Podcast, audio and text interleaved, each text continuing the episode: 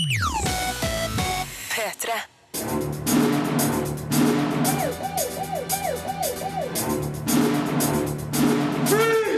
Filmpolitiet! What's your name, dude? Birger Vestmo. What kind of stupid name is that? Hallo! Gjett om filmpolitiet er stappfull av godbiter i dag. Hør på det her. Pixar er tilbake i praktslag med innsiden ut. Straight Out of Compton er velspilt og underholdende fra California-rappens oppvekst. Dokumentaren Pøbler er en interessant sosial studie av ungdommer på jobbkurs. Idas dagbok er en rå, engasjerende og opplysende dokumentar om kampen mot psykisk lidelse. Hitman Agent 47 er snacks for spillfans og actionentusiaster, mens skrekkfilmen Sinister 2 er for snill om slemme barn.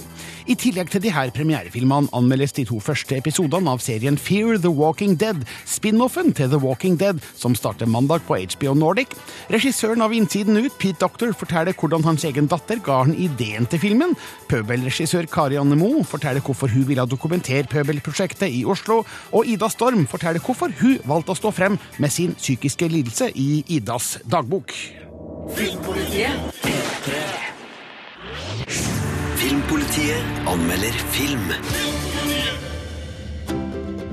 Jeg heter Glede. Dette er sorg, sinne, avsky og frykt. Vi er Rileys følelser. Pixar er tilbake i praktslag med innsiden ut. Ikke at formkurven har falt drastisk de siste årene, men de tre forrige filmene deres har vært litt pliktløpprega oppfølgere. Nå er de tilbake med en helt ny historie i et helt nytt univers, og med en tematikk som når overraskende emosjonelle dybder. Historien har den typen dobbel bunn som preger de beste Pixar-filmene. Barn vil underholdes av fartsfylt moro med fargerike figurer, mens voksne i tillegg vil felle tårer over sunnen barndom. Innsiden ut er kanskje ikke blant Pixars aller, aller ypperste, men hører hjem langt opp på lista. Du, Riley. Hvordan var første dag på skolen? Det var helt greit. Det her handler om følelsene glede, sorg, sinne, avsky og frykt som styrer den elleve år gamle jenta Riley. Premisset høres kanskje litt rart ut, men tro meg, det fungerer fortreffelig. De jobber i en kommandosentral i hodet hennes, sjølsagt kalt headquarters, der de møter utfordringer når Riley og foreldrene flytter fra Minnesota til en ny tilværelse i San Francisco. Plutselig begynner det å skje ting i kommandosentralen som følelsene ikke forstår, og det utvikler seg etter hvert til en kamp for å få Riley glad igjen. Merket dere det der? Det er noe galt. Signaliser mannen. Vi introduseres for en rik og intrikat verden i Rileys hode, som minner om den fargerike frodigheten i spill som Little Big Planet og Ratchet og Clank. Fantasien settes i full sving med en historie som utnytter hjernens irrganger, som f.eks. i underbevisstheten, abstrakt tenkning og langtidsminne. Alt gjøres fysisk og tilnærmelig som figurer og strukturer med godt skrevet dialog og innovativ animasjon. Filmskaperne går aldri tom for ideer, nysgjerrighet eller skapertrang. Sorg! Hun gjorde noe med det minnet. Er alt i orden, eller? Det som likevel er filmens viktigste ingrediens, er tematikken om hvordan et barn forandrer seg mens det vokser opp, og hvordan det her oppleves både fra barns og foreldres ståsted. Det handler om hvordan et barns leikende undring går over til en mer kontemplativ tilstand etter hvert som den emosjonelle rekkevidden utvides, og hvordan barndommen sakte, men sikkert forsvinner. Melankolien over det som er forbi, er til å ta og føle på. Det er langtidsminne. Du kan gå deg vill der inne. Tenk at vi klarer det! Ok, jeg tenker at vi klarer å gå oss vill der. Innsiden ut er regissert av Pete Doctor, som òg laga Monsterbedriften og Se opp. Også hans tredje Pixar-film som regissør blander ypperlig animasjon med en forbausende rik historie, med flere lag, varm humor og emosjonell slagkraft. Etter at jeg så filmen, så jeg en mor slep på en liten gutt i vranggråt på gata, og jeg kunne ikke dy meg for å se for meg kampen mellom sinne og sorg i hans kommandosentral. Terningkast fem Filmpolitiet. på P3. Pete Doctor er mannen bak flere av Pixars mest populære filmer. Han skrev de to første Toy Story-filmene og regisserte Monsterbedriften og Se opp. I dag er det altså norgespremiere på hans nye film Innsiden ut, der handlinga foregår i sinnet til ei elleve år gammel jente. Jeg møtte Pete Doctor på filmfestivalen i Cannes i mai og spurte hvordan han fikk denne litt merkelige ideen. I'm joy. This is sadness. That's anger. This is disgust. And that's fear. Well, it kind of started watching my daughter grow up. She was um, uh, 11 when we were starting, and she was a really, before that, up to that point, a very active, energetic, funny, goofy kid. And then we started seeing a much more kind of quiet, withdrawn side, and I thought, oh man, what's going on in her head? You know, because I went through that as a kid. I remember being through some very difficult, dark days in junior high. My folks moved us when I was in fifth grade. We, we moved to Denmark. So in fifth grade, at about Riley's age, I was plopped in the middle of Danish school, didn't speak the language, literally didn't understand what anybody was saying for a good month or so. And uh, so I felt completely out of step there. By the time we got back to the United States, to Minnesota, I was out of step there. School was great, all right? What was that? I thought you said we were gonna act casual. Riley, is everything okay? Riley is actually you, then. Well, to some degree. I mean, I think all the characters have a little bit of me in them. So, but yeah, I mean, it really talks about growing up and the difficulty, and I think uh, a lot of people, most people, can relate to that, either having had that themselves or having kids uh, uh, and watching that. You know, that there's something definitely lost as you get older. There's a complexity to life. There's a richness, so it's not like all bad, but it's uh, definitely some loss and uh, a little tragedy there of the, the, the innocence of childhood that goes away. Riley, I do not like this new attitude. Oh, I'll show you attitude, old No, man. no, no, no, breathe. So this movie will have the kids laughing and the parents will wipe tears. Is that an effect you're actively pursuing? Yeah, yeah. Well, for one, it was the films that we loved growing up that, that do have uh, light and darkness and difficulty and challenge as well as fun and all that. So uh, I feel like it's a more accurate representation of what life is about. You know, if it's all just like hey, fun, candy and sugar, then then I mean that's fun, but you you kind of walk away feeling a little like. Um, well, what's next? You know, um, and the thing that you end up remembering, and this was echoed, echoed in the research we did on this film. The things that uh, are most you're most likely to remember are the things that had uh, a strong emotional imprint. So if something really scared you or made you very angry or happy or whatever, you're going to remember that for a long time. And I think if we can do that in the films, um, then you are giving the audience something to take on with them and chew on later. Fire! That's it. Go to your room. The foot is down. The foot is down. Good job, gentlemen. That could have been a disaster.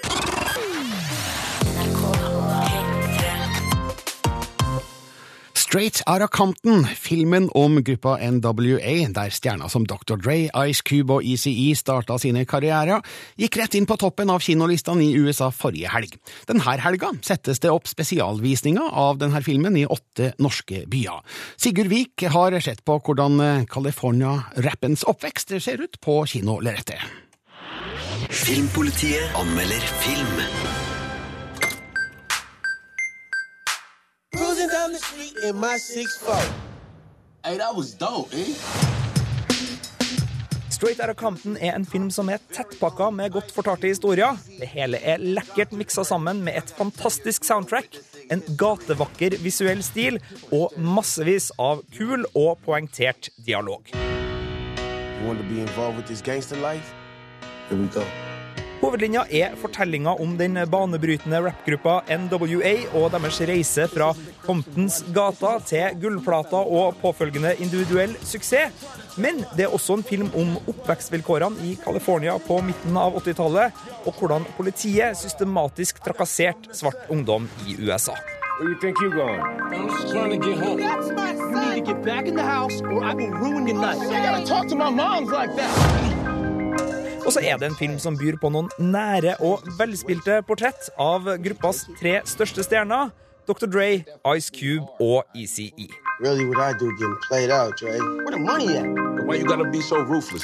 Og her følger vi en klassisk mot alle odds-historie, hvor det er god balanse mellom problemer og løsninger. Gruppas øvrige medlemmer er alle også til stede underveis, men de blir avspist med atskillig mindre personfokus. Of.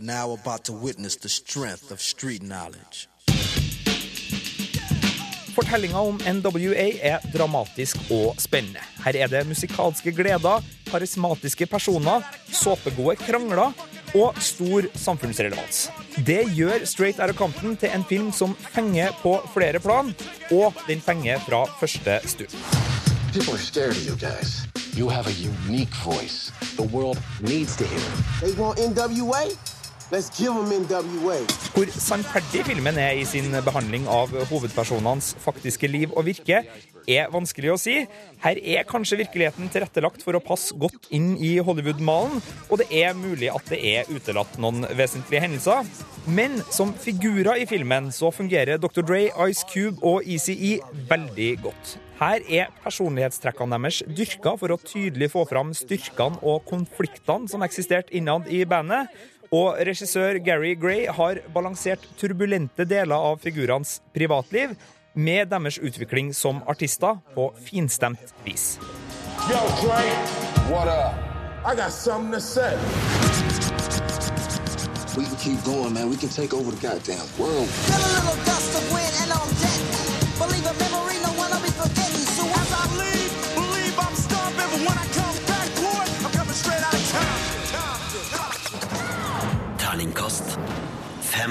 Her er Marte Hedenstad i studio, velkommen. Takk, takk. Ja, du har kikka på de to første episodene av Fear the Walking Dead.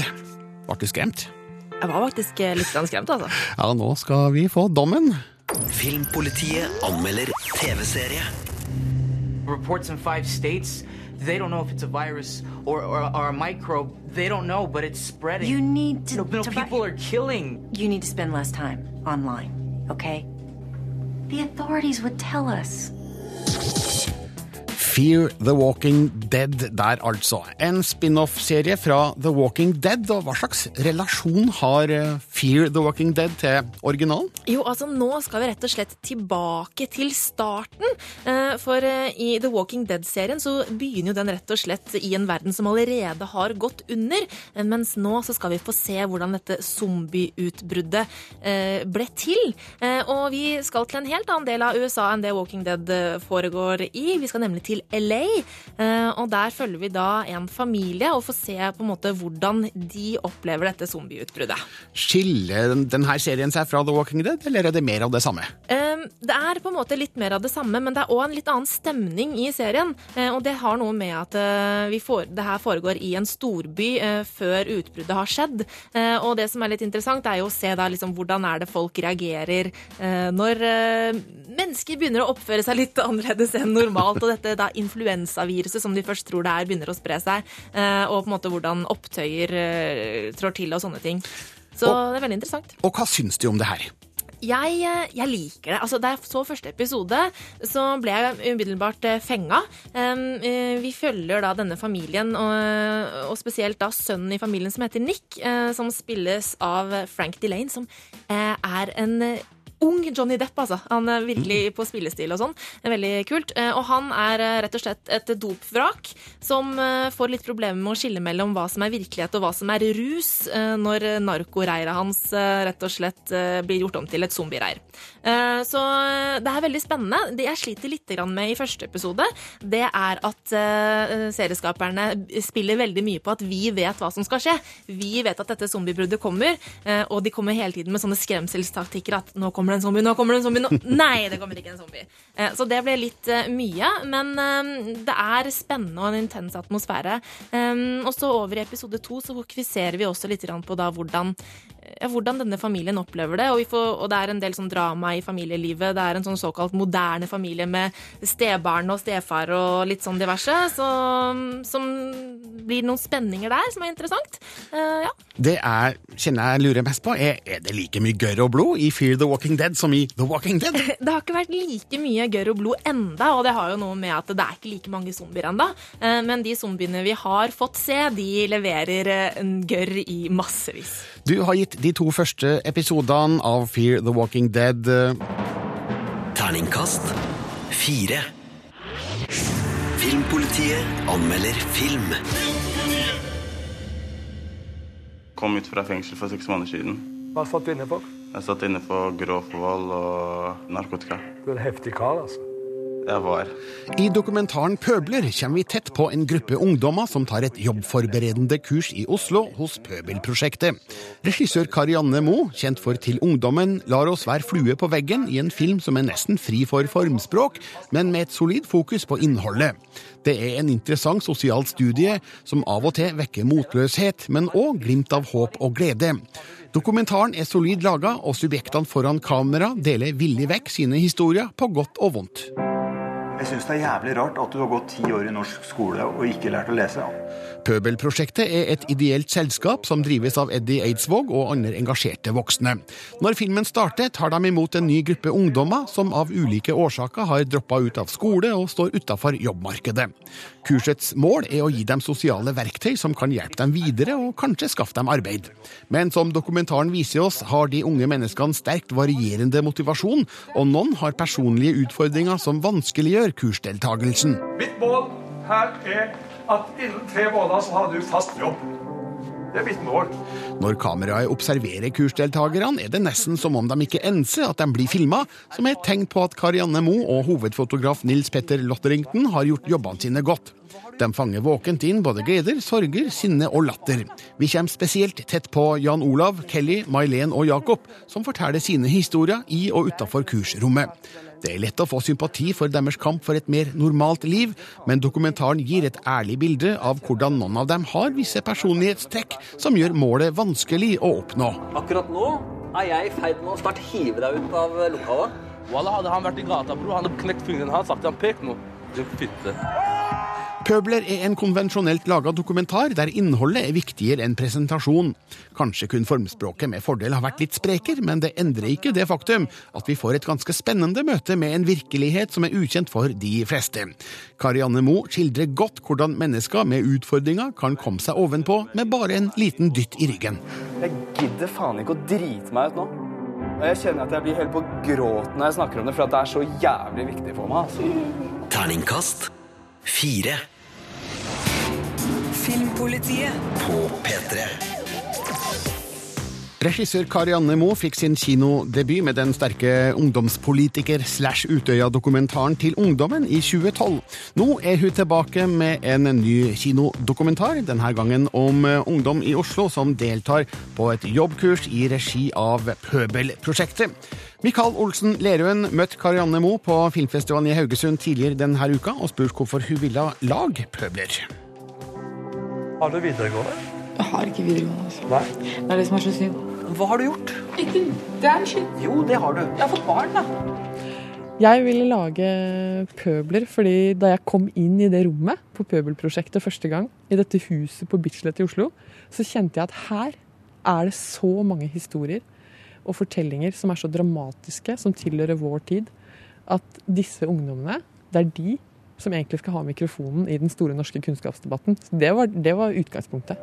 Når jeg var liten, så kasta jeg litt stol på læreren istedenfor å lære å lese. Men er, er, er det relevant for mange, dette? Dette er kanskje en av vår tids viktigste saker. Det, det mener jeg at det er. Når det er én av tre som ikke fullfører videregående, eh, når så mange opplever at de ikke mestrer, og opplever at de ikke passer inn i den bitte lille firkanten som hvor du kan krysse av at du har gjennomført et vellykka løp, så har vi et kjempeproblem. Og Jan Olav og Kelly og de andre i filmen de kan eh, ikke bare lære oss noe om det, men de kan også få oss til å føle noe rundt dette her. Fordi vi har virkelig fått være med på dramatiske situasjoner underveis. Hva er det du vil? Hva er det du vil? Jeg piner til deg, jeg knivstikker deg. Vi dreper deg. Jeg tuller ikke. Du ser på meg i øynene, og jeg tuller ikke. Det er jo en, en episode i filmen der eh, Jan Olav truer med å drepe noen av de ansatte. Hvordan var det å være til stede der, og hvordan er det å bruke det materialet? Eh, For meg så var det veldig viktig å bruke materialet fordi dette er en så stor del av han. Og nettopp det sinnet som bygger seg opp i en ung mann, eh, det er viktig å ha med i filmen fordi det er en grunn til at det sinnet er der. Eh, og det kan være at du har følt deg, at du har følt deg dum, da, f.eks. At du har behov for å mestre noe. Eh, og det Jeg tror at hvis veldig mange barn og ungdom føler seg dum, og føler at de ikke kan bidra med noe nyttig, så kan det ikke bare være synd for dem det gjelder, og de som faller ut av skolen, men det er farlig også, fordi vi blir veldig sinte. Og eh, jeg mener jo at Jan Olav er jo en fantastisk eh, representant på den måten at han tør å åpne og gi av seg sjøl. Så jeg tror at andre som ser han vil tenke å ja, jeg er ikke aleine. Hold kjeften din! Jeg snakker ikke til deg nå! Hva er det de folkene du har eh, møtt etter at de har sett filmen, har snakket med deg om? De snakker med meg om eh, hvordan Jan Olav og Kelly i filmen at, at vi kommer så tett på. At eh, de er eh, lurer på hvordan det har vært å få lov å komme så tett på ungdommene i filmen. Og også hvordan det har vært for dem å på en måte eh, bli noen som står fram med en del problemer som mange ungdommer i skolen har. Da. Det der å føle seg dum. Eh, altså Jan Olav som snakker om dysleksien sin. Eh, Kelly som har vært den stille jenta, en annen type pøbel. Eh, som kanskje ikke turte å rekke opp hånda og spørre om det hun lurte på, fordi det ikke var trygt i klasserommet. Opplevdes ikke trygt. Altså, så det er vel det som folk har vært veldig opptatt av å snakke med de om. Rett og slett eh, hvordan de har det nå, og hvordan, ja, hvordan det går. Hvordan fikk du den tilliten til å komme så nært på, på, på disse unge menneskene? Jeg tror det har hatt mye å gjøre med at vi har vært så mye til stede. Fordi jeg har fått lov å være til stede sammen med fotograf Nils Petter Lotterengton i seks uker. Var vi og filma hver eneste dag. Filma ikke så mye kanskje hver dag, men vi var der. Og det å være til stede, bli godt kjent med alle, vite når ting holder på å skje, når eh, dramatikken begynner å toppe seg, eh, når konfrontasjonene kommer, vite noe om den følelsesmessige utviklingen. Da. Det har nok Jeg tror det har betydd veldig mye. Tid. At vi har brukt mye tid, rett og slett. Jeg tror nok også at Jeg, jeg blir jo veldig, veldig engasjert i de ungdommene som jeg filmer. Jeg blir veldig glad i de. Og blir eh, Får et sånn Jeg tror man får et veldig sånn ekte, en ekte relasjon også. Og det kjenner de.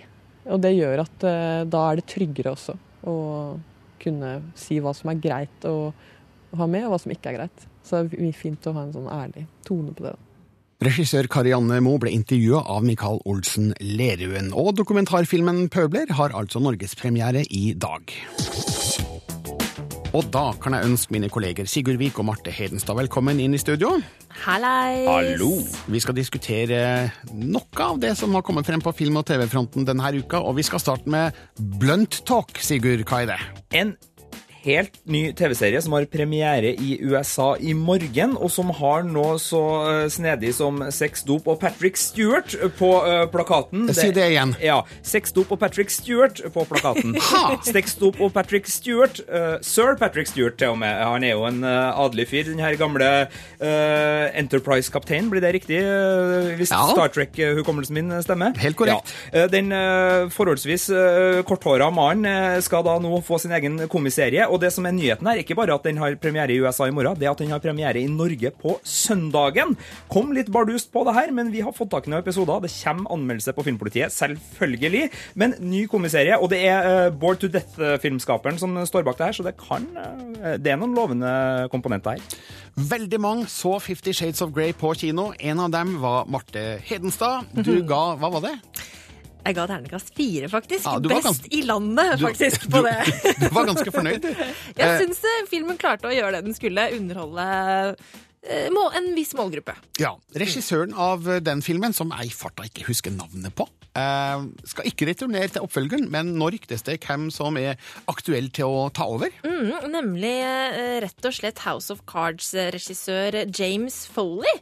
Eh, og det er jo litt interessant, da, syns jeg. Han eh, er nå liksom frontrunner, melder Variety, for å regissere da filmen som heter eh, Fifty Shades Darker. Han er i hvert fall god på gråtoner på film. Altså, House of Cards er den gråeste serien jeg vet om, og da tenker jeg ikke sånn uh, stil, altså, tenker jeg rent estetisk. Så, eh, så at han skal inn i Grey og Darker-universet, det, det kan funke sånn eh, rent på paletten i hvert fall. Men Foley er jo en veteran. Han har jo regissert film siden 1984, blant annet eh, Reckless på Cross og Hold. Han har vært med i Hannibal-TV-serien, og på Stram line er han kjent for. Og Ja. så lurer jeg på, kan en mann regissere en Fifty Shades-film?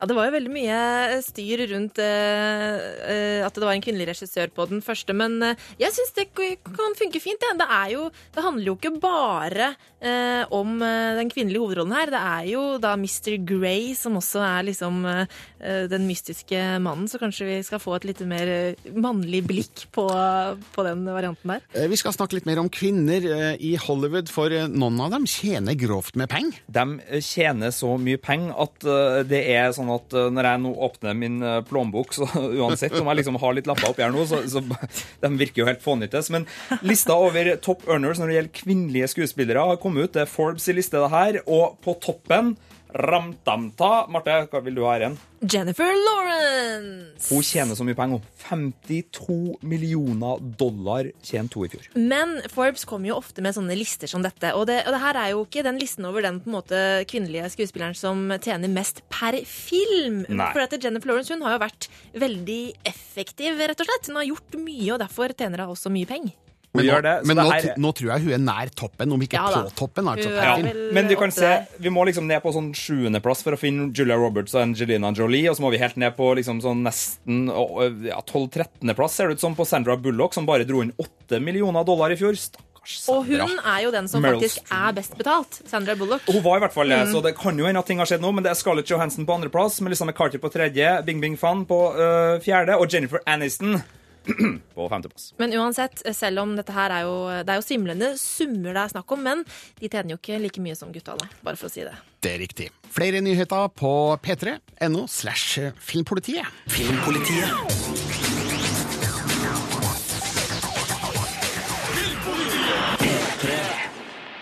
I år 2000 kom videospillet Hitman, Codename 47. I 2007 kom eh, filmen Hitman med Timothy Oliphant i hovedrollen. Men eh, nå kommer rebooten, eller remaken, hva du nå enn velger å kalle det. Hitman Agent 47, som Marte Hedenstad har anmeldt. Filmpolitiet anmelder film.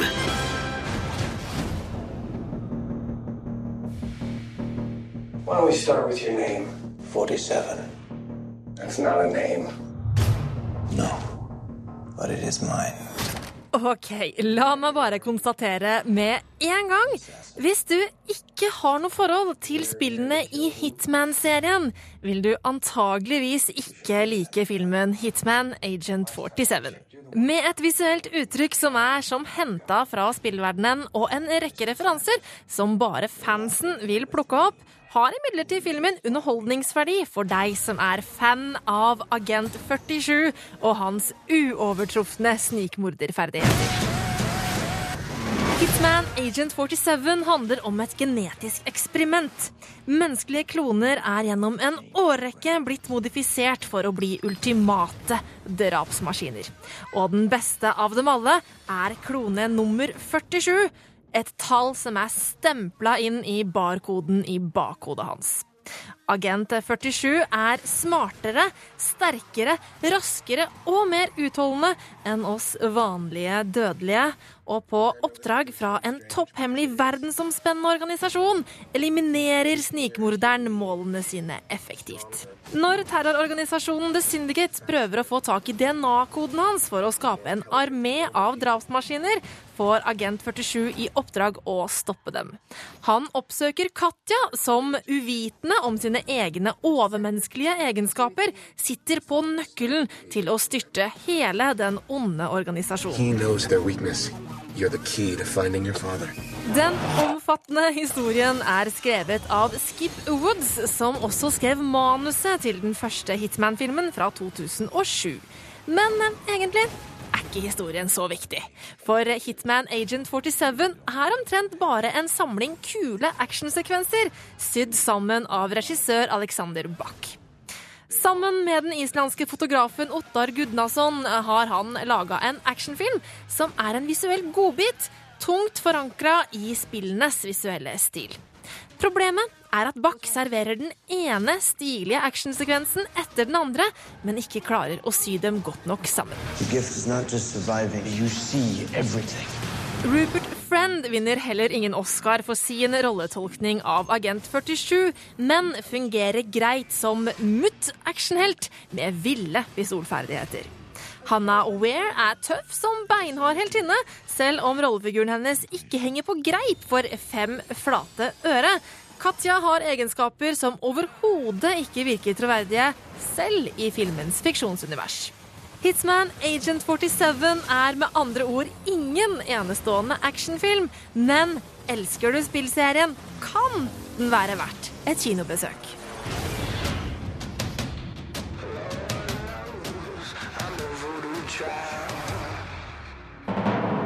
Terningkast tre. Den norske dokumentarfilmen Idas dagbok ble vist på filmfestivalen i Haugesund denne uka. Den skal på en kinoturné snart og vises på NRK i oktober. Her er min dom. Filmpolitiet anmelder film. Hei.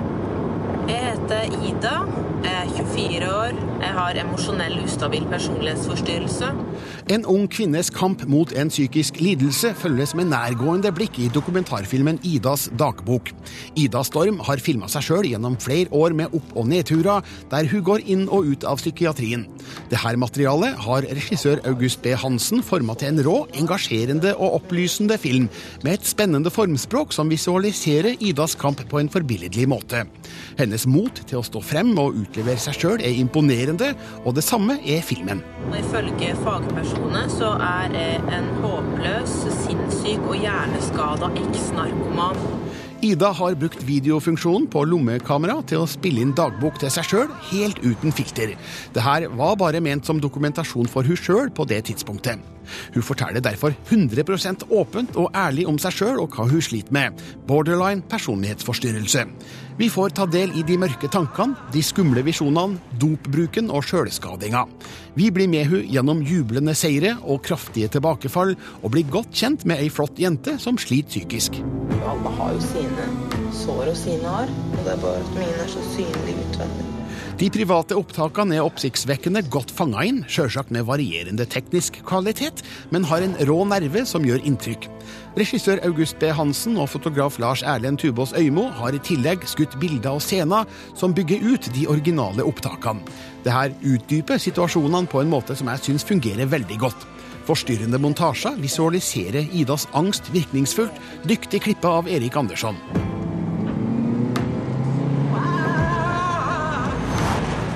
Det var Ida sjøl som tok kontakt med produksjonsselskapet Indiefilm i 2010 for å høre om opptakene kunne brukes til noe. Det skal vi være glad for, for det her er en viktig film. Den beskriver den harde kampen psykisk syke kjemper, og åpner et forholdsvis lukka tema for andre unge som sliter. Idas dagbok er ofte mørk og dyster, med sterke emosjonelle svingninger, men en nydelig avslutning symboliserer at håpet er der. Jeg tror jeg er like redd for begge deler. Å leve og dø. Terningkast fem. Les mer om film, spill og serier på p3.no Filmpolitiet. Filmpolitiet hver fredag fra 11 til 1 på P3.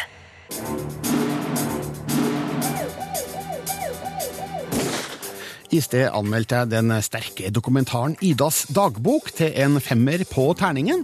Nå skal du få møte Ida Storm, som altså har filma seg sjøl gjennom mange års kamp mot sin personlighetsforstyrrelse. Hun forteller til Mikael Olsen Lerøen hvorfor hun valgte å stå frem med sykdommen på film. Hvis jeg hadde visst at noen skulle sett det jeg hadde filma den gangen, så hadde jeg jo sagt ting på en helt annen måte. Hun sitter på kaien i Haugesund, 28 år, pen, lyst hår, grå jeans, forsiktig sminket. Og hun har akkurat vist sitt aller mest sårbare frem i filmen Idas dagbok. Nå har du nettopp hatt eh, en forelesning på et seminar, og du er jævlig stressa og redd. Eh, Jeg syns det er veldig viktig å vise en sånn film, ikke fordi at min historie er så unik, men fordi at den ikke er så unik. Det Ida Storm har gjort, er å filme seg selv gjennom ti år, selfie-style. Så hadde jeg det veldig vanskelig, så jeg begynte å snakke til kamera. I den tiårsperioden har hun levd gjennom en mental heisatur, som har krysset innom borderline-diagnose, selvskading, drømmen om å ta sitt eget liv, og ekte og hudløs glede over å ha klart å slå seg gjennom slike tanker. I, i et av klippene når du står og ser deg sjøl i speilet, så ser du noen trekanter. Du ser noe annet enn det vi ser. Hva er det du ser? Eh, Noe ondt. Det er vel angsten min. Jeg ser eh, Satan. Jeg kan se Satan i andres øyne og mine egne øyne. Det var mannen bak Push-Wagner-dokumentaren August B. Hansen som gjorde Idas videodagbøker til film. Og to dager etter at filmen 'Flink pike' sensasjonelt var nominert til Folkets Amanda, tror Hansen på en trend norske filmer som åpner opp for å synliggjøre psykiske lidelser. hadde jo Flink pike, f.eks. Det, det er større åpenhet om ting, men samtidig så skal vi ikke, skal ikke undervurdere at altså, unge mennesker, kanskje spesielt, de har ikke den samme innsikten i disse tingene her, og kunnskapen om disse tingene som veldig mange voksne kanskje tar for gitt. Og både Ida og regissøren bak Idas dagbok tror slike dokumentarer kan redde liv. Jeg håper, håper jo det. Så jeg har fått tilbakemelding på det allerede, at eh, min åpenhet har hjulpet mange, og det setter jeg veldig, veldig, veldig stor pris på.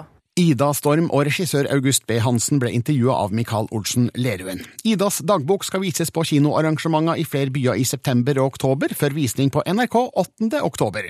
Følg Idas dagbok på Facebook for info om de her visningene. Filmpolitiet anmelder film.